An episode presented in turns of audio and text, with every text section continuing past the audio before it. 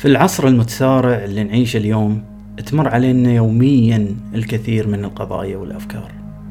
تمر علينا الكثير من المسائل البسيطة أحيانا والمعقدة أحيانا والشائكة أحيانا.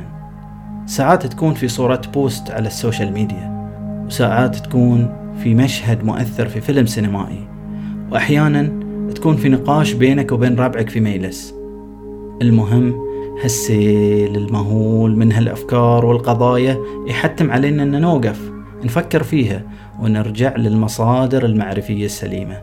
عشان ناخذ الموقف الصحيح وعشان ما تمر علينا هذه القضايا والأفكار مرور الكرام أو حتى تأثر على تصرفاتنا أو مواقفنا من أمور معينة أو أشخاص معينين سواء بقصد منه أو حتى بدون قصد.